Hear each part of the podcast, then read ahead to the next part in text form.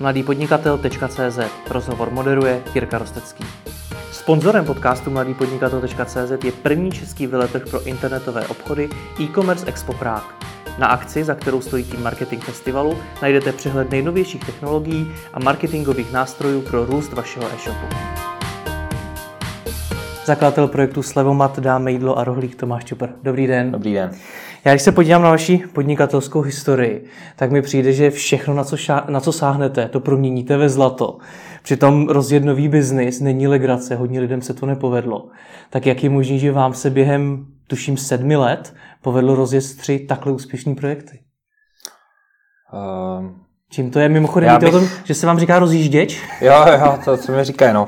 Uh, asi bych začal tím, jako že ten začátek eh, té podnikatelské kariéry zase tak hvězdný nebyl. Já hmm. jsem eh, měl poměrně dost neúspěchů ve, ve svý, jak, jako v životě obecně, ale i ve své podnikatelské kariéře. Dělal jsem, dělal jsem nějaký e-shop s parfémama ještě v Anglii a hmm. ten se nepovedl. A rozjeli jsme s kamarádem taky v Anglii marketingovou agenturu, která byla jako jakž takž, ale rozhodně bych, eh, rozhodně bych to nenazval nějakým jako zářným úspěchem.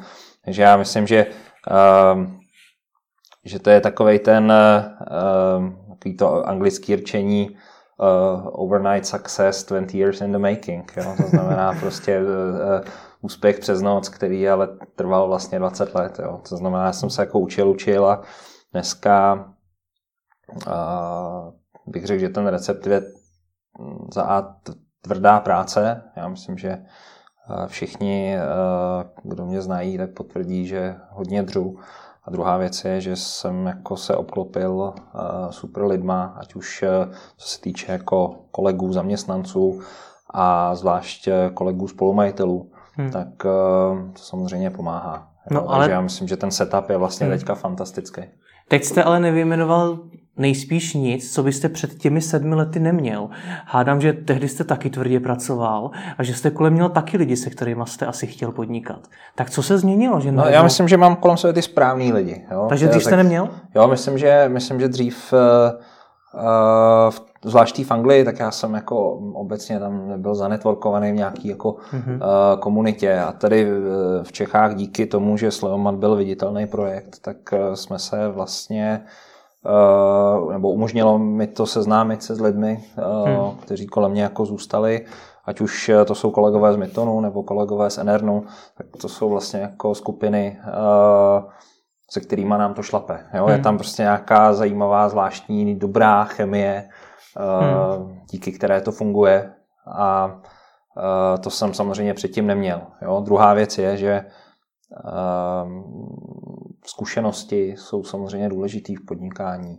A ty hmm. jsem předtím sbíral, ve Slavomatu jsem je taky ještě sbíral, dneska už nějaký mám, ale když bych se podíval jako na kvalitu řízení um, Slavomatu v té rané době a na kvalitu řízení třeba rohlíku teďka v té rané době, tak hmm. uh, bych řekl, že to je neporovnatelný. Prostě předtím jsem byl zobák, který vlastně nevěděl uh, moc, co dělá. Hmm. Jo, ale díky povaze Slevomatu, tím, že to jako trochu šlo samo, že to byl jako dobrý projekt a relativně jednoduchý, tak jsem měl štěstí a neschořilo to. Jo. Kdybych, hmm. kdybych v roce 2010 zakládal rohlík, tak podle mě už jako konec. Hmm. Jo. A myslím, že prostě ten timing vlastně funguje, jo, ale hmm. kdybych měl jako před těmi sedmi lety výrazně těžší projekt, jako je třeba teďka rohlík, tak, tak si myslím, že by to úspěch rozhodně nebyl. To se bavíme už o těch třech posledních projektech, hmm. ale co jste tedy dělal špatně předtím? Co byly taky největší chyby? Špatný najímání lidí. Hmm. Prostě jsem bral jako hiring poměrně jako na lehkou váhu, prostě hlavně jako přijít nám pomoct a hmm. řešil jsem uh, tu kvalitu toho člověka až tolik. Uh, obecně ten, ten jako uh, top-down management, jo, že um, máte uh, jako lidi, kteří si cení toho, že všechnu práci oddřou sami, jo? to jsem byl dřív já. Mm-hmm. Jo? A vlastně jsem se jako vůbec neobklopoval jako tím týmem a, a nechápal jsem, co je vlastně úloha CEO, hmm. jo? Zatímco, zatímco myslím, že dneska už, už to chápu poměrně dobře. Jo, to jsem, to jsem dělal jinak. Prostě já jsem byl, já jsem byl jako dělník s titulem, když to tak jako by řeknu. Jo. Dneska, dneska vlastně tu firmu řídím lidsky a strategicky a to je vlastně jako ta, ta správná úloha, kterou by ten šéf firmy měl mít. Jo. A to, se, to, mi, to mi jako rozhodně předtím nedocházelo. Hmm. Uh, a potom nějaký jako základní finanční management. Já jsem jako byl jako, jako uh, byli kámoši v té Anglii, co dělali firmu a vlastně jsme nějak jako finance moc neřešili, jo, takže hmm. bylo takový jako jak to tak vyjde prostě, podle, podle bankovního účtu. Změnila se i nějak ta povaha toho biznesu samotného, protože tehdy jste zkoušel tedy agenturní biznis, zkoušel jste takový klasický e-shop s hmm. nějakými produkty, ty další biznesy přeci byly o něčem úplně jiném. Změnilo se i tohle to nějak, váš pohled na tohle? Myslím, že ne. Já Třeba myslím, agentury jako... jsou špatný biznis například. Ne, vůbec. Já hmm. myslím, že prostě dobrý management je univerzální. Hmm. Jo, dobrý manažer je uh, manažer, který de facto může působit v kterékoliv firmě, v kterémkoliv oddělení. Jo, já myslím, že to je prostě taková ta jako univerzální chytrost a uh, přístup k věcem a přístup k řešení problémů a zvídavost, hmm. která předurčují dobrýho manažera a to se může dít jako v jakékoliv firmě, hmm. uh, v jakémkoliv oddělení, to nemusí být jako nutně nutně CEO. Jo? Hmm. A to, to si myslím, že člověk dostane právě třeba uh, díky těm zkušenostem. Hmm. Jo? Vy jste říkal, že ti, co vás znají, tak ví, že tvrdě pracujete. Hmm. Na druhou stránku na e-shopistovi v roce 2015 jste mluvil o tom, co se vám v minulosti nepovedlo a mimo jiné jste říkal, že první podnikání bylo nic moc, školu jste nedodělal, byl jste nespolehlivý. Hmm. A také jste řekli, že jste se až potom naučil pracovat hmm. a věci dokončovat. Tak co se vlastně změnilo, když jste pracoval tvrdě i tak? Já myslím, já to řeším hodně ve svém týmu. Jo? Hmm. Je tvrdě pracovat a dobře pracovat. Jo? A pak hmm. je dobře tvrdě pracovat, jo? když to tak jako řeknu. A, a spousta lidí pracuje tvrdě a pracuje dlouho a pracuje hodně. Hmm. Ale pracují na špatných věcech. Jo? A, nerozumí vlastně podstatě toho, co dělají.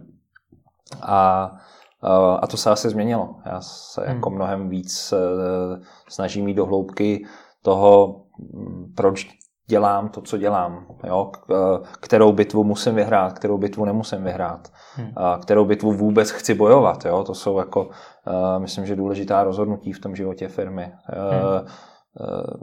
Hodně věcí odmítnout, aby jako těch pár dobrých věcí se jako povedlo. To si myslím, že, že je skill, který třeba jako u managementu často chybí. Jo? Hmm. Že to je takový to jako tvrdě dřu, ale vlastně ten výsledek se nedostaví. Je to jenom o počtu hodin, protože se dělá na špatných věcech. Hmm. Jo, a to, to já jsem v minulosti právě měl. Jo, sice jsem tam byl jako dlouho, ale vlastně jsem to jako nedotáhl, protože jsem různě tak jako skákal z kytičky na kytičku a ještě to byly docela špatné kytičky. Hmm. Jo, dneska bych řekl, že už jsem jako preciznější v tom výběru. A jak to probíhá v rohlíku prakticky, ta debata o tom, kterou bitvu budete vést a kterou ne? Tak máme nějaký uh, reporting hmm. uh, číselný, kde prostě máme tu firmu rozpadlou na několik desítek uh, důležitých čísel, uh, hmm. prostě KPI a uh, podle toho, jak se ta čísla hýbou, tak, tak vlastně jako to nám určuje to, kam, kam jako chceme běžet. Hmm. Jo, uh, a pak je nějaký dlouhodobý, strat, nějaký dlouhodobý strategický pohled, No a to taky samozřejmě jako je nějaká debata, potom z toho vyplývají nějaké činnosti, které musí ta firma během třeba toho půl roku nebo roku hmm. udělat. Jo? Takže se hodně řídíte čísly? Uh, my se řídíme de facto jenom čísly. Já jsem právě si myslel o vás to, že vy jste takový ten vizionář, který možná ani tak jako nekouká na ty předpoklady a na ty čísla. Konec konců na vašem eh, blogu jste popisoval ty začátky Levomatu, kdy vás ty první firmy v podstatě i hned odmítly a potom jste tam dokonce psal, že až po roce už přišli za váma sami. Tak no jasně, ale... jaké míry jste vizionář a do jaké jdete za těmi čísly? No vy nejdřív musíte mít vizi, hmm. abyste mohl postavit firmu a ta firma ale pak musí fungovat v rámci jako a řídit se podle nějakých čísel. Jo? Jako vize je jenom uh, jsem tady a chci někam dojít. To je ta vize. Hmm. Jo? Ale po té cestě uh, musíte sledovat tachometr a kompas, jo? jinak hmm. tam jako nedojdete, když to, tak, když to řeknu jo, za tou vizí. Takže ta vize samo, samospásná není, protože když nebudete sledovat po cestě čísla, tak tam jako nedojdete. To je jako kdybych vám řekl, hmm. běžte na Island a jediný, co máte, jsou jako hvězdy a možná ani to ne.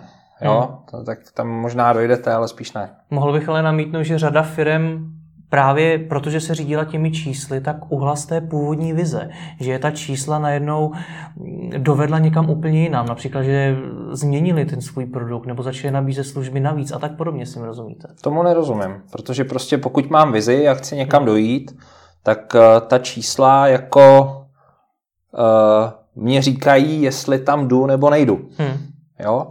Uh, to je to, proč je sledujeme. Takže hmm jako pokud mi čísla začnou říkat, uh, nejdeš tam, jdeš, jdeš jinam, tak já se můžu rozhodnout, jestli jako změním cíl cesty, hmm. no nebo otočím volantem a vrátím se zpátky na tu původní cestu. Jo? Hmm.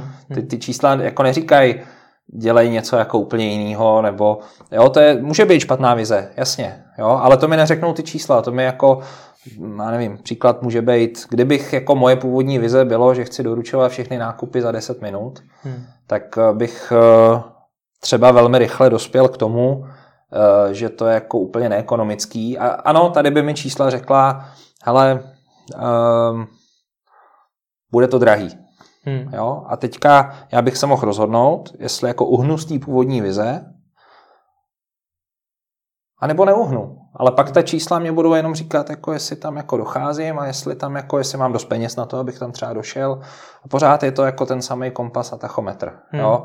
Čísla jako neřeknou uh, nutně změní něco. Jo? Čísla popisují aktuální stav. Hmm.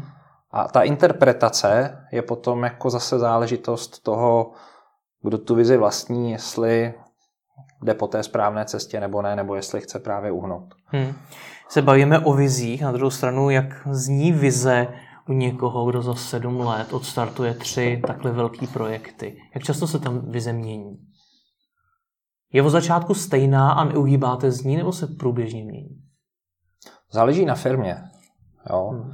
Třeba ve Slevomatu podle mě jako vize nebyla na začátku žádná. Jo, to bylo takový jako, hele, pojďme udělat firmu. Jo, no, byli jsme tři. A, a a v Dáme jídlo bylo jako, ta vize byla jednoduchá, prostě pojďme jako Čechům umožnit jako snadný stravování, protože ne vždycky je pohodlný někam dojít. A třeba v rohlíku už ta, ta vize je jako komplexní, uh, uh, a pardon, já se vrátím k tomu slevomatu. A pak jako když se ukazovalo, co ten slevomat vlastně je, tak se tam začalo jako ukazovat, co, co jako by ta konečná vize mohla být. Jo. Ukazovalo se, že vlastně díky slevomatu což jsme nevěděli na začátku. Češi třeba začnou víc cestovat po, po Čechách. Hmm. Jo, a to jsme jako nevěděli. A teďka jsme říkali, hele, to je dobrý střípek, na tenhle bychom mohli, tenhle kamínek bychom mohli opracovávat a to potom byla ta vize. Jo? Pojďme z toho udělat prostě jako nejlepší lokální cestovní portál tady, hmm. tady v Čechách. Jo? A Rohlík ten má vlastně taky jasně definovanou vizi. My chceme samozřejmě nabídnout jako českou alternativu německým, potažmo britskému řetězci, jo, protože jenom jako česká firma bude mít jako české zákazníky uh, v, jako v tom nejlepším zájmu a až to budeme stavět v Maďarsku a v Rakousku, tak to zase budeme jako dobře dělat pro, pro Rakušáky a, a, a Maďary, ale teď jsme v Čechách a prostě chceme jako, aby Češi jedli dobře. Hmm. Jo, chceme to jako, chceme jim to pomoci umožnit, protože dneska v tom klasickém supermarketovém sortimentu to jako úplně možný není. Tak to je jakoby jeden střípek té vize. A druhý střípek té vize je, že my chceme vlastně pomoct lokálním producentům těch potravin najít odbytový kanál. Hmm. Dneska vlastně buď jste velký a dodáváte do řetězců, anebo jste malý a jste tak trošku odsouzený k tomu lokálnímu prodeji po vesnici, eh, potažmo teda k farmářským trhům. Jo? Ale zkuste se zeptat někoho, kdo rád pěstuje rajčata, jestli jako chce strávit eh, celý den eh, dvakrát týdně někde jako stáním hmm. stánku. Jo? Moc, moc jako nechce. Jo, můžete namítnout, tak si na to někoho najměte, ale bavíme se o malých producentech. Jo? To není tak, že jako si najmou 10 zaměstnanců. Hmm. Jo? On jako umí produkovat ty rajčata, on umí produkovat to dobrý hovězí nebo to dobrý jehněčí. Jo? A, ale on toho nemá tolik, aby to prodal do těch řetězců. Jo? Hmm. Ale díky tomu, že vlastně do rohlíku uh, stačí jako zavést do jednoho prodejního místa, do toho jednoho skladu, potažmo několika málo, pokud vzniknou další po České republice. Není to 250 poboček nebo 300 poboček, jo, kterým já to potřebuju zavést, ale jenom ten jeden sklad, tak je to strašně jednoduchý pro toho producenta, aby se dostal k zákazníkům. Hmm. Jo. A já klidně řeknu, hele, tady je prostě producent a on jako Eh, zabije tři kůzlátka za týden, jsou to fakt boží kůzlátka, tak se jako kupte, a, ale jako když prodáme tři, tak už žádný nejsou, jo? až hmm. zase další týden. A tohle my těm lidem jsme jako v pohodě schopni říkat, hmm. zatímco jakoby ten řetězec tohle samozřejmě jako nesprocesuje. Hmm. Jo? A, a tím, že pomůžeme těm lokálním producentům, tak uh, pomůžeme zvelebit český venkov. Jo? A já pevně věřím, že jako uh, ta země by neměla být jenom jako o velkých městech, jo? ale prostě, aby ta země fungovala dobře, tak by měly dobře fungovat velká města, ale i právě jako venkov. Hmm. Jo? A, a to je jako druhá část té vize. Hmm. Jo? A to, to už je jako poměrně velká, silná vize a za tou my se jako jdeme. A tohle je opět něco, co vám došlo až zpětně, nebo jste už od začátku věděl, ale já chci zvelebit venkov? Bylo to tam jako od začátku, protože jsme jako tu strukturální, nebo ten strukturální rozdíl mezi řetězcem a vlastně onlineovým hráčem chápali. Hmm. Ale až když jsme byli v tom trhu a začali jsme s těma producentama mluvit a začali jsme vlastně jako chápat ten tristní stav toho lokálního, eh, té lokální výroby, hmm. Eh, tak eh, lokálního pěstování, tak nám došlo, jak vlastně silná vize nebo silný směr by to jako mohl být. Hmm. Jo, takže ono se to spíš posílilo v průběhu. Hmm. Lze z toho, co říkáte, udělat ten závěr, že možná na začátku tu vizi úplně nepotřebuju, podobně jako jste ji neměli vy u, u Slevomatu, a že se postupem času vykrystalizuje? Nebo naopak je potřeba na začátku?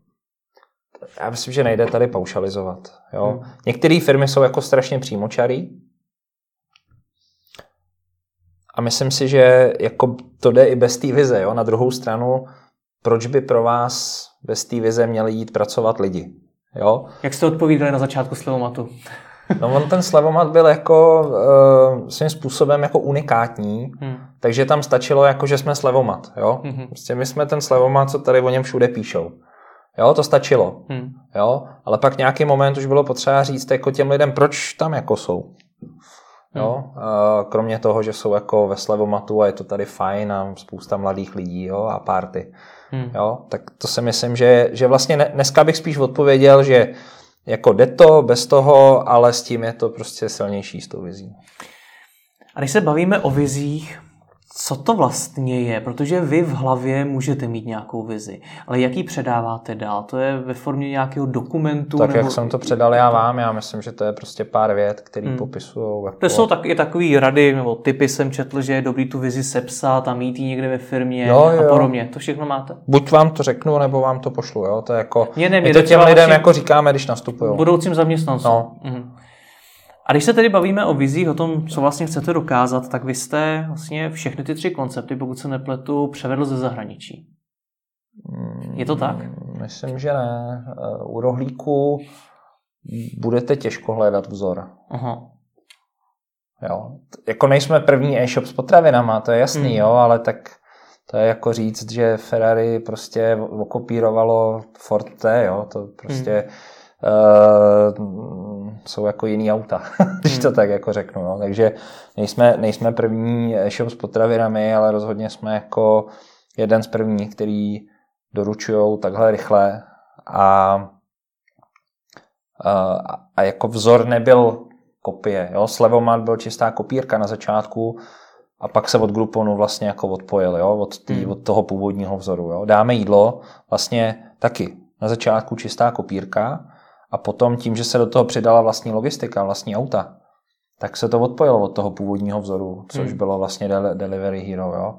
A paradoxní vlastně je, že Slevomat měl vlastní logistiku dřív, než třeba vznikla Foodora, což je jako dneska obrovský úspěšný, eh, úspěšný startup, ale uh, my jsme ty auta měli třeba o půl roku dřív. Jo? A jediná Hmm. země, kde tenkrát vlastně jako uh, byl web, který byl ta platforma, ale k tomu měl i ten fyzický provoz, tak byl snad Větnam. Jako, jo? Hmm. pak byly ty Čechy a, eh, a částečně v Turecku, jo, něco, něco takhle fungovalo. Ale uh, takže ono, jakoby ten nápad, jako, hele, pojďme tady doručovat pizzu, samozřejmě prostě byl jako nějaká inspirace ze zahraničí, ale podle mě až potom v té vlastní exekutivě se ukáže, uh, jestli nejde to prostě jako převzít a kopírovat jednak jedný. Hmm. Jo, ten trh vám ukáže. Ale rohlík si myslím, že je jako unikátní koncept v tom, jak to děláme. Hmm. A je dobrá vize, chci být jako Groupon v Čechách? Nebo to chce něco víc? To chce něco víc. Co to má být? No, Protože třeba to tu vizi jsem slyšel od řady podnikatelů. Chci být jako tamhle ti, kteří to dělají v zahraničí, jenom na českém trhu. no a to je vlastně strašně špatně komunikovatelná vize, protože jako za, nic, zaměstnancům to nic neřekne, dodavatelům to nic neřekne. Jo? Jako, uh, myslím, že je jako důležitý ne, ne, ne jako co to má být, ale proč to má být. Mhm. To je ta vize. Jako. Hmm. Jo, to je, to je jako uh, pro mě ten klíč toho úspěchu. Najít to proč. Jo, popsat to jako Uber pro, Airbnb pro, jo, to je jako takový jako Uberu pro něco a Airbnb pro něco, jako Jsem těch, co jako mnohokrát. stovky, jako jo, ale, ale proč? Proč to dělat? Hmm. To je, to je to, co jako chci já komunikovat těm lidem. Jo, já jsem tady od rána do večera, protože jsou tady ty jako tisíce producentů, kterým já chci jako umožnit se dostat k zákazníkům. A zároveň chci těm zákazníkům umožnit dostat se k těm producentům, aby nemuseli kupovat, pardon, s proměnutím, to klidně vypípněte sračky ze zahraničí, jo, protože dobrýho jídla v Čechách máme fakt dost. Hmm, hmm, hmm. A když tedy minimálně ty dva první projekty vznikly z inspirace v zahraničí, Hmm. tak jak to k vám přijde? To je tak, že si čtete články o zahraničních startupech, nebo Hmm. jste vyložení zákaz... Čtete si články? Hmm, já čtu. Já, já obecně čtu jako hodně, Hmm. ale prostě jako každý čtení rozšiřuje obzory, takže Takže slevomat třeba, nebo dáme jídlo, nebo buďme u toho slevomatu třeba vzniklo tak, že jste si přečetl o Grouponu. četl jsem soustavně nějaký články a často v nich byl Groupon. No a tak jsem si říkal, hele, to vypadá zajímavě, no. Hmm. A, a mohlo by to být velký. Jak potom probíhalo to vaše uvažování nad tím projektem, co dál? Zajímá mě ten úplný počátek, protože dobrých nápadů na internetu taky si přečtete spoustu. Hmm. Tak proč jste si řekl, zrovna Groupon je to, čemu bych se chtěl věnovat? Ten zlom byl eh, článek o jeho miliardové valuaci. To si pamatuju zcela přesně. Tak jsem Aha. si řekl, hele, to bude asi velký. Uh, já jsem v té době žil v Anglii, jo, tak jsem Mhm. říkal, hele, tak to už tady asi bude. A bylo. Zbývám do Čech. Tam to jako nebylo. Byly tam nějaký zárodky, jo, že jako vykup to už mělo facebookovou stránku nebo něco takového. A, a, tak jsem o tom jako přemýšlel chvíli pak jsem začal přemýšlet teda, s kým bych to tak jako udělal, jo? že když žijete v zahraničí, jak nemáte jako 6 let, 7 let, tak nemáte moc jako kámošů už v Čechách, Hmm. který zrovna teda jako jsou znalí internetu, jo? Prostě, uh, uh, tak jsem tak jako přemýšlel, vlastně čirou náhodou jsem u nějakého jiného projektu narazil uh, na Petra Bartoše, čirou náhodou jsem ve vlaku narazil na Romču Sudovou, pak vlastně jeden z, z mála lidí tady v Čechách, který jsem znal, že se pohybují jako na internetu, tak byl Martin Kormán, Uh, a já jsem asi po roce nebo po dvou letech zapnul ICQ, jestli ho tam jako ještě pořád mám, jo. Tak, uh, tak tam jako byl pořád. A tak jsme se jako domluvili, že se potkáme. Jsme se potkali na chodově v, v Costa Café, si myslím, jestli si to dobře pamatuju. A, a postupně se to jako upeklo, jo. Hmm. A pak, uh, pak nějak, když jsme, když jsme spouštěli, tak uh, Romča Sudová říkala, že zná Toma Matějčka z Mytonu, protože jí měl dovést z Nového Zélandu nějaký kameny. A tak jsme jeli do Liberce s klukama a takhle jsme se vlastně potkali s Mytonem. Jo. A, hmm. uh, a mohlo to dopadnout úplně jinak, jo? to je prostě ten, ten, ten život, jo? že hmm. vlastně úplně jako set nepravděpodobných lidí se vlastně dal jako dohromady a, a ono to zafungovalo. Jo? Já si myslím, že to je prostě jenom o tom, že někdo chtěl, teda v tomhle případě já, aby se to stalo, tak jsem si k tomu jako scháněl ty nástroje a, a, a ty lidi, aby to prostě jako se mohlo stát. Jo? A, hmm. uh, a to je podle mě, kde jako mnoho podnikatelů potom jako vlastně i skončí, jo? ještě dřív než začne. Že ona myšlenka dobrá a teď jak to spustit. Jo? A to jsou tady v Čechách a znají lidi. Jo, a já jsem byl jako v Anglii a neznal jsem lidi a přesto jsme to jako dokázali spustit s nedostudovaným lékařem a s holkou, co vlastně jako dělala marketing. Někde, tak co jste tak, teda udělali jinak? Jo, prostě jenom jsme to chtěli. Prostě Ti ostatní nechtějí? Podle mě to nechtějí. Podle mě spousta lidí říká, že chce, ale když je to trochu víc práce a trochu to bolí, tak to prostě nechtějí. Jo? Já hmm. jsem jako změnil zemi kvůli tomu, jo? Jako, takže uh, v zemi, kde se mi žilo jako docela dobře, jo? v té hmm. Británii.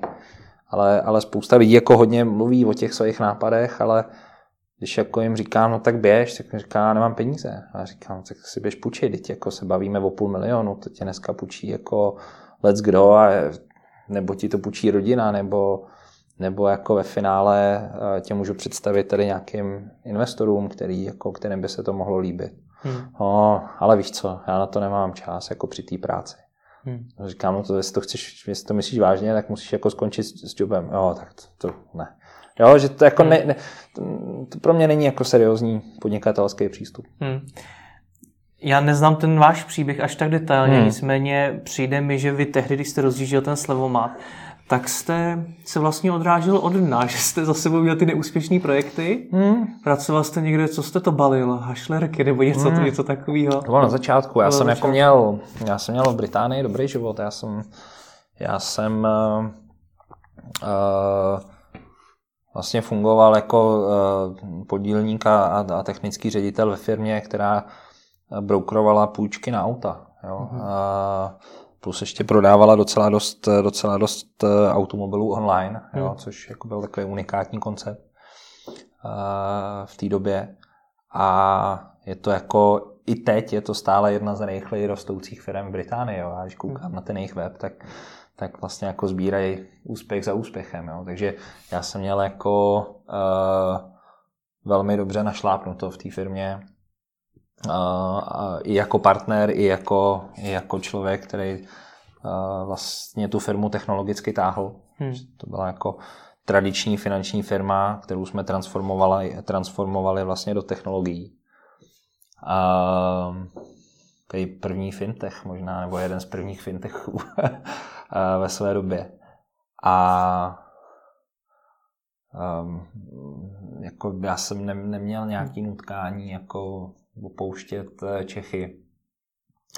Jenom prostě, když jsem dostal tu myšlenku na, na Slevoma, tak už se mě prostě nepustila. No. Jde o to, jsme se bavili o tom obětování, že jiní nechtějí obětovat moc, tak se chci dostat k tomu, jak moc jste obětoval vy. No to vám to povídám, no. Prostě já jsem měl hmm. super job, podíl a, eh, a život v zemi, jako která objektivně je hmm. strašně jako fajn. Já miluji Británii. Uh, a vrátil jsem se jako do Čech a já tak miluju stejně tak Čechy, ale nebo, uh, Česko, to nebylo, že já jsem vlastně jako z Moravy původem, no, ale uh, miluju Česko. A ale prostě jako po sedmi letech, nebo po šesti, nevím přesně, jak dlouho tam byl, jako změnit zemi, kde žijete, není úplně jako lehký a opustit jako firmu, která už je rozjetá, kde máte podíl a dobrý plat, hmm. uh, pro firmu, která jako ještě neexistuje, to si myslím, že je poměrně velký obětování. Hmm, hmm. A když říkáte, že to bolí, tak co bolelo nejvíc? Co jste musel obětovat, bolelo to nejvíc? Byla to ta změna země, nebo to bylo něco jiného? Jo, já myslím, že ten kulturní šok byl jako po, po, pro mě poměrně jako intenzivní. Hmm. Jo. Hmm. Prostě Čech a Brit jsou jako trošku jiné nátory, no. A um, jako přístup lidí k práci, přístup lidí k jeden k druhému, tím nechci jako Británii nějak idealizovat, protože jako spousta věcí se tam za tu dobu, co jsem tam třeba, nebo co tam nejsem, tak se samozřejmě jako změnily. Uh, ale kolem toho roku 2007, kdy jsem tam jako v podstatě, nebo 2006, kdy jsem tam de facto jako začínal, tak, uh, tak to bylo jako extrémně fajn. Pak s tím trošku zahýbala krize, tak tam byla hmm. chvíli docela blbá hmm. nálada, ale uh, vlastně tu zemi jako miluju. No. A... Vrátíme se k té přípravě toho projektu. No. Když eh, jste teda v článku si přečetl kuponu, řekl jste si, nebo zjistil jste, že to v Čechách není, tak ověřoval jste nějakým způsobem to, jestli v Čechách ten koncept Grouponu vůbec bude fungovat? Nebo si do toho šel rovnou po hlavě? Já jsem si kdysi dávno podíval na film Český sen a bylo mi jasný, že to bude fungovat. Opravdu to, to stačilo? No, tak jako se podíváte prostě, jak funguje retail v Čechách, hmm. je jasný, že to jako bude fungovat. Jo. No víte co, existují takové ty knížky o podnikání, které hmm. radí, ať se na začátku udělá průzkum trhu, business plán a, jo, a takovéhle ale... věci. To jste teda dělal? Ne uh, ani v dáme jídlo, ani v rohlíku, jo. Jakože já se to snažím jako říct svým kolegům, jo. Lidi, lidi jako, když, když máme nějaký diskuze o, o, o jako rozhodování, lidi obecně neví, co chtějí. Hmm. Takže jako já vlastně nevím, jak bych se na to jako zeptal, abych dostal relevantní odpovědi. Chtěli byste věci za půlku? Jo, jo, super, tak jo. jako na to nepotřebuji průzkum, jo. Chcete, aby vám někdo donesl jako nákupy až domů? Jako, jo, jo, ale to je super, jo, to bych jako chtěl, jo. A hmm. ne, ne, jako já vlastně dělám služby, které jako zlepšují lidem život, takže jako na, na, to se moc ptát nemusím, ale kdybych dělal něco komplexnějšího, tak mi to stejně ten jako výzkum neřekne. Hmm. Jo, já jsem, já často používám jako příklady takového toho, to už je otřepaný, takový to, když se jako v době koňské dopravy jste se zeptal, lidí, co by chtěli, tak by vám neřekli auto, že jo? Řekli by vám, že chtějí rychlejšího koně. Jo? Stejně tak, eh, stejně tak, eh, eh, když se jako v před iPadové době byste se někoho zeptali, jestli potřebuje jako něco mezi telefonem a laptopem jako ještě třetí věc, tak, tak vám řekne proč, jako jo, a hmm. pak ve finále se toho prodaje jako miliony kusů, nebo 100 miliony, jo. takže uh, ty, ty, jako já, se, já tyhle ty zákaznický průzkumy vlastně nemám moc rád. Hmm. Jo? Já si myslím, že jako člověk by se měl spolehnout jako částečně na intuici a z velké míry jako na data, který mu řeknou, jako, která je ta správná cesta. Hmm. Jo? A moje, moje, můj dat, datový bod byl 500 miliard uh, v potravinách, uh, na trhu je Tesco a to dělá třeba jako něco jako miliardu. Takže 499 miliard je furt volných takže si pro ně dojdu. Hmm. to bylo takový jako datový bod. Pokud mám dneska nápad na biznis, no. tak jak mám zjistit, jestli teda je dobré, jestli má vůbec smysl, jestli má potenciál? Přemýšlím. Já si myslím, že úplně to základní kritérium je jako velikost trhu. Já dostávám strašně moc jako uh, žádostí o investici kde vlastně ten trh, na který jako oni cílí, je vlastně jako strašná než. Jo? Já zkusím dát nějaký příklad. Jo? Uh, jste sběratel uh, brouků uh, z čeledí chrobákovitých, já nevím, už si nepamatuju biologii, jo? A pro vás je to jako celý svět. Jo? Vy jako nevidíte moc jako jinam. Hmm. Že máte pocit, že jako všichni jsou sběratelé, že vy se stýkáte s těma lidma, že všichni sbírají brouky. Jo? A tak máte super nápad na web pro sběratele brouku, jo? ale ve finále, když se podíváte, tak ono to je jako tisíc lidí v Čechách hmm. jo? a dalších nějakých třeba nějaký jako desítky tisíc lidí jako po světě. Jo? Teď jako fabuluju, ale uh, do toho se jako nevyplatí jít jinak než jako koníček. Jo? A pak máte trhy, které jsou jako obrovský. Jo? Už to jsou jako ty potraviny, bankovnictví, jo? nebo prostě kterýkoliv jako elektronika, knihy. Jo? To, to všechno byly jako velký trhy, když se do nich rozhodli ty velký hráči vlastně jako jít. Jo? Hmm. A, a to je podle mě klíčový indikátor toho, jestli, jestli jako ten váš nápad je dobrý nebo, nebo není dobrý. Tam bych začal. Jo? Hmm. No a pak bych se jako díval, co jsou ty potřeby toho trhu. Hmm. Jo, jakože co jsou potřeby těch zákazníků, jaký problém vlastně řeším. Hmm.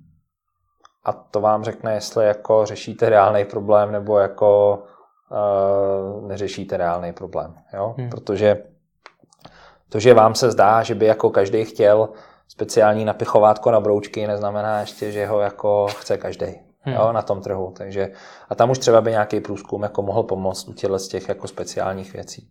Hmm. Jo, ale velikost trhu a jaký problém řeším, jako upřímně si na to odpovědět, vám jako většinou řekne, jestli to je blbost, nebo to není blbost. No. Hmm.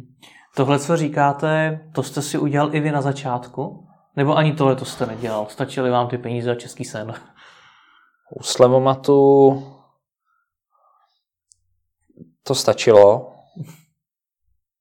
A u rohlíků jsem jako věděl, že řešíme reálný problém nakupování je oprus. Hmm. Jo, jako uh, ani jsme se jako neptali, jo, ale já si jako nedovedu představit, nedovedl jsem si v té době představit, že by jako někdo měl reálnou radost z toho, že projíždí prostě mezi moukou a cukrem a nadšeně si bere to zboží do ruky a prohlíží si ho. Jo. Jsou nějaké kategorie zboží, třeba oblečení, hmm. který jako radost, nebo elektronika, který radost jako přináší, jo, ale, ale podle mě jako banány, eh, cukr a máslo nejsou jako eh, ty produkty, který, který tuhle hmm. emoci mají. Takže vnímáte to, že se u vás nějakým způsobem mění to, jak nahlížíte na ten nový biznis? Že už třeba teď jste podstatně kritičtější, podstatně důkladnější v rámci té přípravy, než na začátku toho slevomatu?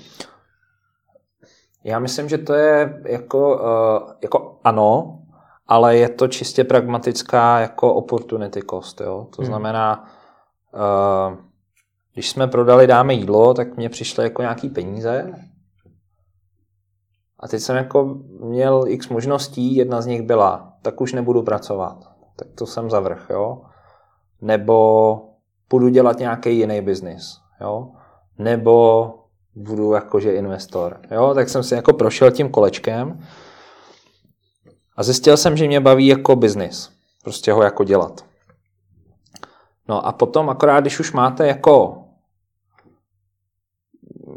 řekl bych, jako nějaký mění, nebo jako jste něco v životě vydělal, tak se vám jako nechce dělat tu samou námahu, že vy víte, jako už kolik to stojí jako energie a dřiny, hmm.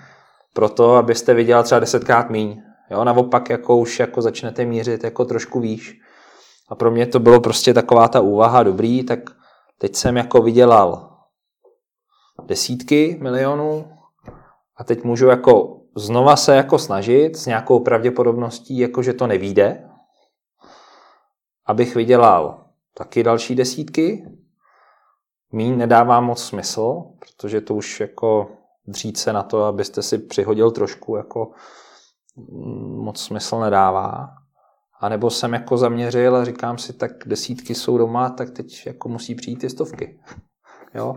A na jakých trzích vlastně jako můžu se dívat na to, co vlastně jako přinese stovky. Hmm. Jo? Tak dojdete, že těch trhů moc není. Jo? Může to být energetika, ty já nerozumím, pak to jsou jako finance, těm já taky nerozumím, a pak je to jako e-commerce v potravinách a tam jsem si říkal, že mám docela dobrou šanci. A to byla úplně pragmatická úvaha jako opportunity cost, respektive jako uh, založit firmu stojí furt tu samou energii. Jo? To je hmm. prostě jako, jako drtivá práce, která prostě několik let jako trvá. Tak jsem hledal, kde ten efekt bude největší. Jo? Hmm. Došel hmm. jsem k těm potravinám. Jo? A třeba časem dojdu k tomu, že cokoliv v Čechách nedává smysl, protože to je malý a už jako začnu mířit čistě na ty jako celosvětové věci, protože hmm. když se budu dřít úplně stejně jako v Americe, nebo dřít stejně jako na globální, jako na globální škále, tak vlastně to, co jsem tady v Čechách zatím jako dokázal, vlastně je úplně směšný. Jinými slovy, už se posouváte k tomu přístupu, kdy už si děláte nějaký ten průzkum trhu, děláte si nějaké zákaznické průzkum. Máte nějakou firmu na průzkum trhu? Mi to hrozně J- tlačíte. Nemám, Já jako... jenom se ptám. ne, ne, nedělám, nedělám, nedělám si průzkumy trhu. Eh, a asi s tím nehodlám začít. Takže bych otázku průzkumu trhu prostě Kdyby, zavřel. Jako. Kdybyste dneska přemýšlel tím novým biznisem, tak kde byste hledal? Nevím, zase bych hledal nějakou inspiraci jako, nebo řešil nějaký problém. Zeptám se jinak, vidíte dneska, kdyby, protože dneska, jestli jsem dobře pochopil, tak se chcete vy sám osobně fokusovat uh, primárně na rohlík. Mm-hmm. To tak to je. No. Vidíte nějakou příležitost, po který byste šel, kdybyste dneska rohlík nedělal? Něco, co vám přijde opravdu zajímavý? Myslím si, že uh, že bych jako přemýšlel Myslím, že bych si teda, kdyby to nebyly ty potraviny, tak bych si musel vybrat ty finance. Jo? Energetika ne teda. Páč energetice furt jako nerozumím, jo? Ale těm financím už jako trošku víc, Mhm. jo?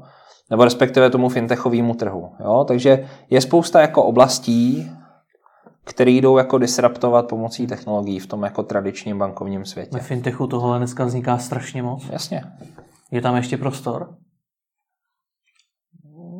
No jasně, protože ještě nic jako není fakt velký. Mhm. Jo, takže um, a vždycky je prostor to jako dělat jinak. Hmm. Jo, um, takže samozřejmě jako prostor je. Takže já, já to mám jako v kategorii, že kdyby ne potraviny, tak ty finance a o jiných jako velkých trzích, kterým třeba já bych jako mohl rozumět, vlastně hmm. jako nevím. Jo. Pojďme k penězům. Jak hmm. jste financoval slevomat? Pak tam vstoupil Miton, ale ten tam nebyl od začátku, jestli jsem to dobře pochopil. No, byli velmi blízko začátku, ale vlastně ta finanční kontribuce byla relativně malá. Jo? Hmm. Nějaké jako jednotky milionů korun. Slevomat se jako téměř výhradně financoval z cashflow. Uh, a takový ten koncept, že uh, vyberu peníze a tomu merchantovi nebo tomu obchodníkovi je vlastně dáváme za měsíc. Hmm. Na začátku to byl týden, pak jsme to prodloužili na měsíc, pak jsme dokonce ještě drželi nějakou část, kdyby náhodou třeba zkrachoval, tak aby jsme měli z čeho vracet zákazníkům. Takže jako Slevomat vlastně kumuluje veliké množství, veliké množství uh, keše na účtě. Hmm. Jo. Takže vlastně jakhle to bylo od začátku, pak vlastně přišel NR a i mi to dával nějaký peníze a to byly už jako, řekl bych, signifikantní peníze jako na nějakou jako větší expanzi, koupily hmm. se další země a tak dále. A s čím jste za těmi, bavme se teď, teď no. o těch prvních, o tom Mytonu, s čím jste za nimi šel? Protože u toho Slevomatu, jak jste říkal, jste to měl na základě článku, nějak jste se dali dohromady jako pár, pár lidí, tak s čím jste za nimi šel? Hele, já jsem Tomáš, já znám Romanu a ona říká, že vy jste dobrý v internetu. Nechceme to dělat nějak společně? Uh, já tady nikoho neznám. a oni říkali, no my, my bychom si to jako chtěli taky dělat sami, ten Groupon. A já jsem říkal, hm, ale tak možná bude dobrý, když to jako budeme dělat jako společně a že se jako nebudeme být, no. A oni říkali, no tak fajn, ale my bychom chtěli 70% podíl. A já jsem říkal, no ten vám jako nedáme, tak kdyby to bylo třeba 49, tak by to bylo lepší. Tak jsme si plácli, no. A takhle jednoduchý to bylo. To jako nebylo žádný, jako já mám tady vizi a pitch deck a to, jak se dneska jako prostě Tomáš s Romanou přijeli do Liberce pro kameny, nebo do Jablonce, já už teďka nevím, kde jsme to byli, spíš v Jablonci. no, a a prostě jako kluci jsou jako hrozně fajn, no, takže tam jsme si nějak jako sedli a, a, a, a velmi rychle jsme si jako plácli, jo, že ono nebylo o čem jako špekulovat, jo, to prostě si myslím, že kdybych já to nějak nedával, uh, tak vždycky je čas jako to zkusit jako s někým jiným, jo, na tom trhu. Takže ale nám se to docela dařilo, takže si myslím, že No a když teda já dneska mám ten nápad no. a sleduju to video, tak s čím mám podle vás já za tím investorem? Já se nechci vracet k těm průzkumům trhu, ale že vždycky jsou takový ty rady, aby ten člověk měl nějaký business plán, jo, který by měl velikost, velikost, velikost trhu, uh, vy jste měl mít jako to, co jsem říkal, velikost hmm. trhu, problém, který řešíte a nějakou představu o tom, jak by ten biznis jako mohl růst. Hmm. A kolik peněz potřebujete a na co je dáte. A to je jako, to je jako vlastně jako celý. A co za to nabízíte samozřejmě. Hmm. Jaký podíl. Jako, jo. A to stačí. Jo, hmm. jako já myslím, že prostě investor jako nepotřebuje vědět víc. Tady máte manuál. Hmm. Jo. Jste na tom e-shopu... On se zeptá, když bude jako, hmm. uh, on se zeptá, když bude potřebovat vědět. Hmm. Vy jste na tom e-shopistovi uh, zmiňoval i to, že jste se dřív se zaměstnavateli citově myšlenkově nepotkával, že jste měl problémy s autoritami. Jo, to mám od dětství. Jak se jde člověku, který má problémy s autoritami, do nějakého vztahu s investorem, který na něj přeci jenom může vyvíjet určitý tlak? Nebylo to pro vás nikdy nekomfortní? Spíš pro ně. Spíš pro ně. Tak jako, že jo, eh, ten člověk, který má problém s autoritami, tak ten jako nechcítí ten diskomfort. Ten jako projektuje ten problém. Mm-hmm. A bývá to jako nekomfortní pro ty autority většinou, mm. jo. Takže uh, a já myslím, že obecně nemám problém s autoritama jako takovýma. Já vlastně Uh, to je jako velký zjednodušení. To, s čím já mám problém, je, že s lidma, kteří se pozicují do role autorit, hmm. ale já je tak nevnímám. Jo? Hmm. Uh, nebo ten mandát je daný něčím jiným, než že ten člověk je jako super chytrý a super dobrý. Jo? To může být třeba rodič. Jo? Rodiče máte uh, a nevybíráte si ho. Takže on má jako přirozenou autoritu z titulu toho, že to je rodič, ale vlastně třeba jako vám nevyhovuje. Rozcházeli jste si někdy myšlenkově s těmi investory? Uh, jako jasně, že jo, jo, ale děláme třetí biznis dohromady, takže vlastně asi ne za stolik. Hmm. Jo? A asi ten diskomfort nebyl jakoby až tak extrémní, aby jsme se jako rozešli úplně. Hmm. Jo? Takže uh, já myslím, že prostě jenom jako nerad přijímám názor, protože ho řekl někdo, kdo má jako vyšší postavení. Hmm. To, to prostě já jako neumím, prostě kriticky přemýšlím. I kdyby to řekl jako pán Bůh, tak já o tom budu přemýšlet, jestli jako je to správně. Hmm. Jo, a budu chtít mít tu diskuzi. Jo, to je ten můj jako nerespekt autoritám. Typicky v českém školství jako se tohle nenese úplně dobře. Znám já. Uh, pro Forbes prostě 2016 eh, jste říkal, že jste byl na Maledivách a telefonoval hmm. si s investory. Zda rohlík nezavřete. Proč? Co se stalo? Já myslím, že jenom ten launch jako nebyl No, vlastně jako ten původní provozní model asi jako nebyl ideální. Já myslím, že, že uh, já bych se v tom vlastně asi jako nechtěl moc babrat. Já uh, start nebyl nejlepší, hmm. a tak jsem šel pomoct nemusíme případně, pokud nechcete rozebírat, jako co přesně jste dělali špatně. Asi ne. Ale máte z toho třeba nějaké jako ponaučení, klidně obecněný, který byste dokázal říct? Jo, já myslím, že prostě jakoby ten prostě je potřeba jako tlačit a, a mít jako ten leadership, aby prostě zejména na tom začátku, kdy vy tam nemáte jako úplně top top lidi ještě, aby jak jako všichni věděli, kam se běží. Hmm. Jo? A to možná jako rohlík na začátku neměl, jo? ale já jsem vlastně byl od toho relativně daleko, jo? protože rohlík vznikl, já jsem byl jeden z investorů. Já jsem vlastně jako nebyl CEO v té době, takže to byl jenom nějaký jako pohled zvenku. Proto bych se v tom jako nerad babral, protože vlastně to nemusí být úplně objektivní. Hmm. Jo? Fakt je ten, že ta trakce a a ten progres na začátku prostě ne, neobhajovali to množství investic, který do toho bylo třeba dávat. Jo? Takže mm. bylo takový jako, kdyby to mělo jít takhle a my jsme do toho měli sypat další peníze, tak už se nám tam možná nechtějí dávat. To byla jakoby taková ta emoce investorů. Mm. Jo? Takže jsme jako hledali, co změnit a vlastně já jsem se teda uh, v lednu tam vrátil dočasně mm. na tři měsíce pomoct. Jste tam lednu, lednu 2015 tuším. Jak ten počáteční leadership, kde je to potřeba táhnout, má v praxi vypadat? Jak se to mám představit? Já jsem nikdy takovou firmu nerozjížděl. Furt musíte jako vysvětlovat těm lidem, jako co je potřeba a proč je to potřeba. Hmm. A musíte jako drtivě lpět na tom, aby se ty věci staly. Jo? Uh, spousta manažerů vlastně jako někam běží, akorát nikomu jako neřeknou, kam běží, takže ten tým jako se tak jako rozplizne, jo, když to, když to, když to tak jakoby řeknu, to je jako jedno nebezpečí. To furt musíte jako sbírat a tlačit to jako tím správným směrem, jo, na, na tom začátku. A,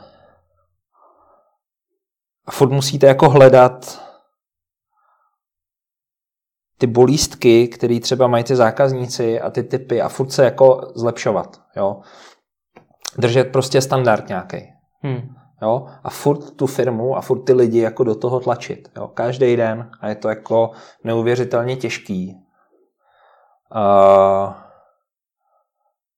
a ono potom jako z toho vyplývá, že vy jste trošku jako ten raz jo, na tom začátku a a on ten začátek může trvat jako pět let, jo. To zase jako hmm. není to začátek jako první tři měsíce, jo. Protože ta firma prostě furt mění fáze a vy jste furt v takový tý, jako, dokud jste v té volatilní fázi, kdy to musíte furt jako fokusovat a tlačit, tak jste vlastně pořád ještě na začátku. Jo. A, eh, a to si myslím, že je ten hlavní úkol. A potom je to jako furt do té firmy tahat lepší a lepší lidi. Furt, jako hmm. každý měsíc tam jako někoho dodat, kdo tu firmu jako zase posune. Jo? Hmm. A to je, to je podle mě ten jako klíčový úkol a nese sebou jako jednu velkou daň a to je to, že uh, pak třeba máte uh, jako na trhu pověst jako rasa, jo? Což, což já jako uh, v finále vím a mám, ale tak se musíte jako vybrat, jestli chcete jako úspěšnou firmu, uh, nebo chcete firmu, kde uh, jsou jako všichni šťastní na zač- a, a, a je to o fázích. Jo? Mm-hmm. Když se budeme bavit jako v rohlíku za pět let, já bych chtěl, aby všichni byli šťastní, vydělávali jsme mraky peněz, já vezmu kus těch peněz a dám je těm lidem a budeme si to jako obrovsky užívat. Jo? Uh, a to je třeba příklad podle mě jako slevomatu teďka. Jo? Slevomat, který prostě vydělá, uh, nevím letos, kolik tu udělá, 140 milionů zisku třeba, tak uh, si může dovolit neběžet tak rychle a tak nějak jako víc dávat do toho štěstí lidí. Jo? Hmm. To, co jako nikdo nevidí a málo kdo ocení, je, že v těch prvních dvou letech to jako peníze úplně nevydělávalo. A přesto vy jako musíte nějakým způsobem jako tlačit a ty lidi jako uh, přesvědčovat, aby přesto, že to třeba není ještě jako úplně komfortní všechno a nemáte ty hezký kanceláře, tak jako aby tam s váma byli a tlačili to, hmm. než bude ten zisk. Jako jo. To samé je, myslím, že příklad jako rohlíku teďka. Než tam jako doběhneme, tak to je trošku jako diskomfort. Takže teď jste raz. Jo. A musím být, hmm. protože kdybych nebyl, tak do toho zisku jako doběhneme později a později doběhnout do zisku může znamenat, že ta firma taky nemusí existovat za chvíli, že jo? Jako ne hmm. vždycky jako ztrátové firmy přežijou, jo? To, hmm. Jako zisk je dobrý, to je jako potřeba si prostě říct, jo? Takže, uh, ale tohle jako málo kdo ocení, jo? Takže jako ta startovací fáze si myslím, že prostě má spíš svý specifika, já jsem v ní docela dobrý a ta daň je, že jako ti lidi, kteří si tou startovací fází podnikatelskou třeba neprošli, tak vám úplně nerozumí. Hmm. A nerozumí, proč děláte to, co děláte. Vím, že ta startovací fáze trvá několik let, uh-huh. kdy vy na ty lidi musíte být ten raz. Jako být, být takhle, já tomu říkám držet laťku, jo, hmm. protože ono to je jako paradoxní. Kdyby vy, vy, vy na začátku potřebujete ty nejlepší lidi, ale vy, protože to je nej, nej, nej, nejkřehčí fáze Ale oni k vám ještě nechcou, protože vy jste ten jako nový projekt a proč oni by opouštěli super job jinde, když jako hmm. neví, jestli tady za půl roku budete. Takže vy jako držíte jenom laťku, ale máte tam ty lidi, kteří jako ještě úplně neumí přeskočit. Hmm. A vy je furt tak jako se snažíte nějak jako zvedat přes tu laťku. Jo? A samozřejmě oni si jako často neuvědomují, hmm. že je jako jejich vina, že tu laťku neumí přeskočit. Jo? Vy jste ten blbec, který jako je nutí přeskakovat vysokou laťku, ale vy ji nemůžete snížit, že jinak by ta firma zkrachovala. Hmm. Jo? Takže a až potom, v nějaký pozdější fázi, až přijdou ty super lidi, tak oni tu přeskakují úplně v pohodě, v klidu a vy můžete přestat jako tlačit. Hmm. Jo? Že je to jako paradoxní, protože ta fáze vlastně, uh, kdybyste tam měl ty super lidi, tak nemusíte vůbec být jako uh, přísnej. Hmm. Jo, oni by tu laťku jako přeskakovali sami. Jo? A já myslím, že to je prostě takový ten rozpor, kdy jako míň kvalitní člověk si neuvědomuje, že je míň kvalitní člověk. Hmm. A vlastně ten svůj diskomfort přikládá vám jako nadřízenýmu, protože vy mu jako stěžujete život. Hmm. Jo? A vy mu říkáte přeskoč, přeskoč.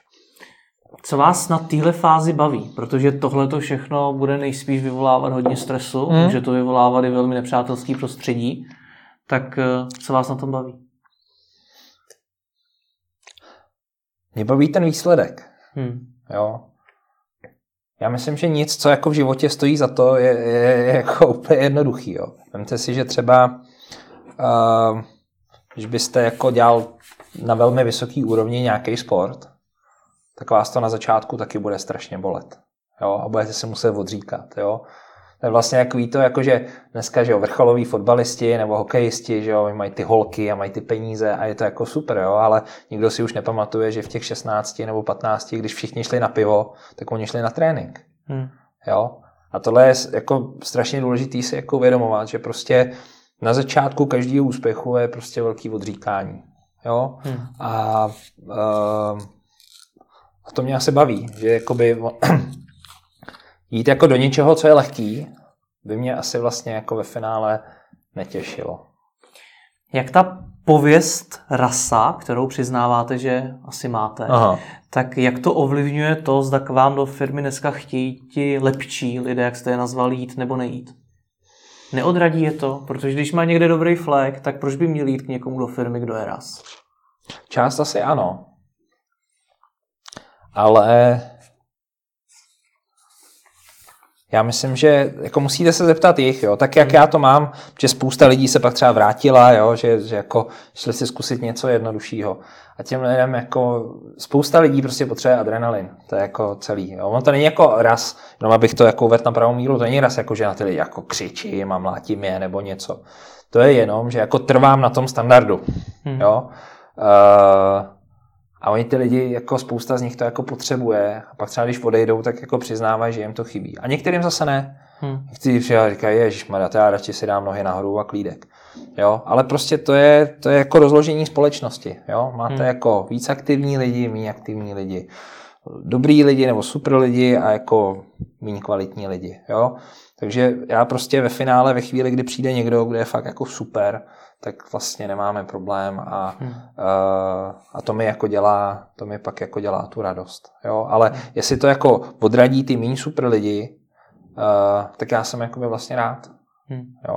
Že pokud oni si nevěří, že to jako dají, tak vlastně znamená, už jsou jako předurčený k, tý, hmm. uh, k tomu neúspěchu. Zastavme se na závěr ještě u té vaší pověsti. Je to něco, co řešíte? Nějaký, nějaké své osobní PR, osobní brand? Jako osobní PR řeším, protože mě oslovuje spousta hmm. uh, lidí k různým rozhovorům. Jo? Uh, ale v tomhle směru to jako neřeším v tom, co jsem popisoval.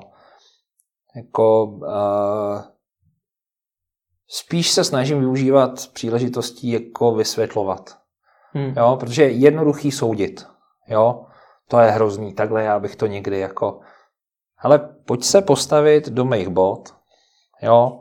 Udělej firmu prostě, která udělá za dva, za tři roky miliardu obrat A řekni mi, jak to bylo jednoduchý a jak v té firmě byli jako všichni šťastní. Protože podle mě musel projít jako třikrát, čtyřikrát nějakým kulturním, kulturní změnou v té firmě, protože už vás tam není pět, ale je vás tam jako 50 nebo 100. Jo? A to už je jako úplně jiná týmová dynamika. Jo? Určitě jsi musel nějaký lidi vyhodit. Jo? A, a jako pak pojď soudit. Jo? To, je, to je to, co já se jako těm, těm lidem snažím říkat. Ale vlastně jako ve finále já si říkám, že tak různě čtu jako ty biografie o různých jako lídrech různých velkých firm, tak eh, ve, jako velmi často se opakuje, že takový ten jako až jako obsesivní standard hmm. kvality té práce má spousta z nich. A to samozřejmě jako na lidi nepůsobí super pozitivně. Jo? Takže já to vlastně jako tohle to mi spíš pomáhá to jako tolik neřešit. Hmm.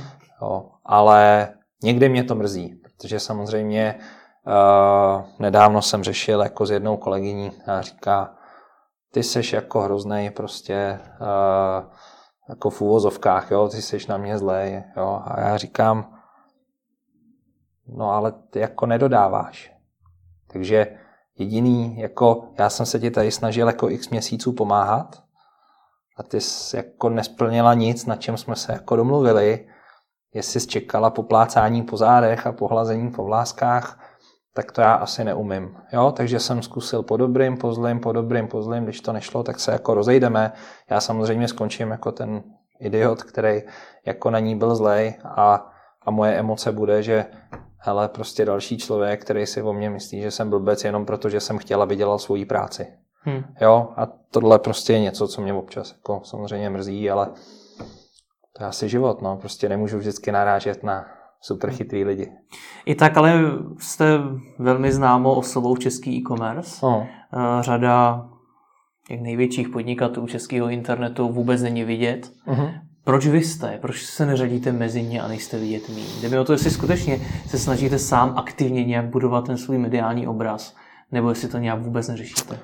A ono to asi vzniklo, jo? Hmm. protože eh, jako upřímně eh, kolem Slevomatu ta vlna byla poměrně crazy. Jo? To bylo prostě jako desítky rozhovorů za měsíc, jo? zvlášť jako v těch prvních měsících si ani nepamatuju, kdy jsem byl jako v televizi, prostě zatímco jako v dobách slevomatu jsem tam byl jako každý měsíc v nějaký hmm. ekonomice 24 nebo něco takového. Přitom podle mého názoru to, co jakoby se děje třeba teďka v těch potravinách, je mnohem zajímavější ekonomický trend než třeba slevomat, jo? Hmm. Ale, uh, ale asi to není tak sexy mediálně.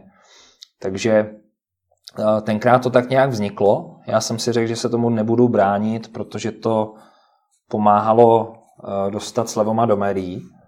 A když jako byl Slevoman v médiích, tak eh, to byla inzerce zadarmo. A pak už není cesta zpátky. No. To, je jako, to je právě to blbý, že eh, a možná tenkrát jsem se jako neuvědomoval ty konsekvence. Hmm. Jo, to znamená, prostě jsem jako do toho šel naplno a pak jsem si neuvědomil, že už to nejde vrátit, jo? že už jako nejde nebejt známý, když to tak jako by řeknu. Jo? Takže uh, jsem se s tím naučil žít. A vlastně... Vrátil byste to teda, že vám do toho skáču? Chtěl byste nevrátil, nevrátil bych to biznesově. Hmm. Jako biznesově je to jako super. Jo? To je prostě úžasný, že jako my, my jako vlastně máme díky jako ksichtu, když to tak řeknu, jako mediálního prostoru za miliony jako zadarmo. Jo? Hmm. A to je jako super. Jo? Lidsky bych to možná i jako vrátil. Jo? Protože já se nedivím, ať už to je, ať už to je Ivo Lukačovič nebo, nebo Aliza Voral, já se jako vůbec nedivím, že jako drží tu anonymitu jo, svým způsobem, protože ona je jako hrozně osvobozující. Jo? A zvlášť, když jako máte úspěch ještě jako na větší škále, než, než třeba mám já, což oba oni mají, hmm. tak jsou tady určitý jako rizika, který možná jako člověk neúspěšný jako nemá. Nikdo vás nechce okrást, nikdo vás jako nechce unést. Hmm. Vaše děti a tak dále. Jo? Takže ono, ono prostě, jakoby ta anonymita je svým způsobem jako velice osvobozující. Jo? Hmm. Já jsem jako v hospodě A já se jako hlídám, protože já vím, že v té hospodě prostě je pár lidí, kteří jako jako statisticky, tam bude pár lidí, kteří mě prostě jako znají a když já se ožeru jak to prase, tak to jako ne, samozřejmě jako může být jako zajímavý materiál jako na, na sociální sítě, jo, takže já jako vlastně už jako, jako se držím zpátky a neblbnu, hmm. ale jako já jsem vlastně jako puberták, já bych jako hrozně rád blbnul, jo. Ale to, to je ta dáň, jo. Já, hmm. um, naučil jsem se s tím takhle žít a hmm biznesu to pomáhá, takže je to hmm. asi dobrý ve finále. A už jste musel řešit nějaké to riziko, které jste popisoval teď v souvislosti s těmi nejúspěšnějšími? Nebo se zatím Ne, musel? ne, ale já myslím, prostě je dobrý jako na to pamatovat. Jo? Je to hmm. samozřejmě jako představa, která třeba zrovna jako v tom našem odvětví, uh, jako e-commerce, uh, nemusí být velká. Um, ale stejně tak jako, hmm. jako zlých lidí je ve světě, nebo jako uh, obecně jako dost na to, aby, aby jako uh, mohli chtít něco, co vy jim nechcete dát. Jo. Hmm. Takže já to spíš mám jako v té rovině, že uh, se snažím držet prostě aspoň jako soukromý život jako někde stranou a, uh, hmm. a užívat si trošku klidu, když nejsem v té práci nebo takhle při nějakém rozhovoru. Tak eh, ať vás těch špatných věcí potká Děkuji moc za rozhovor. Tak jo, taky. Díky.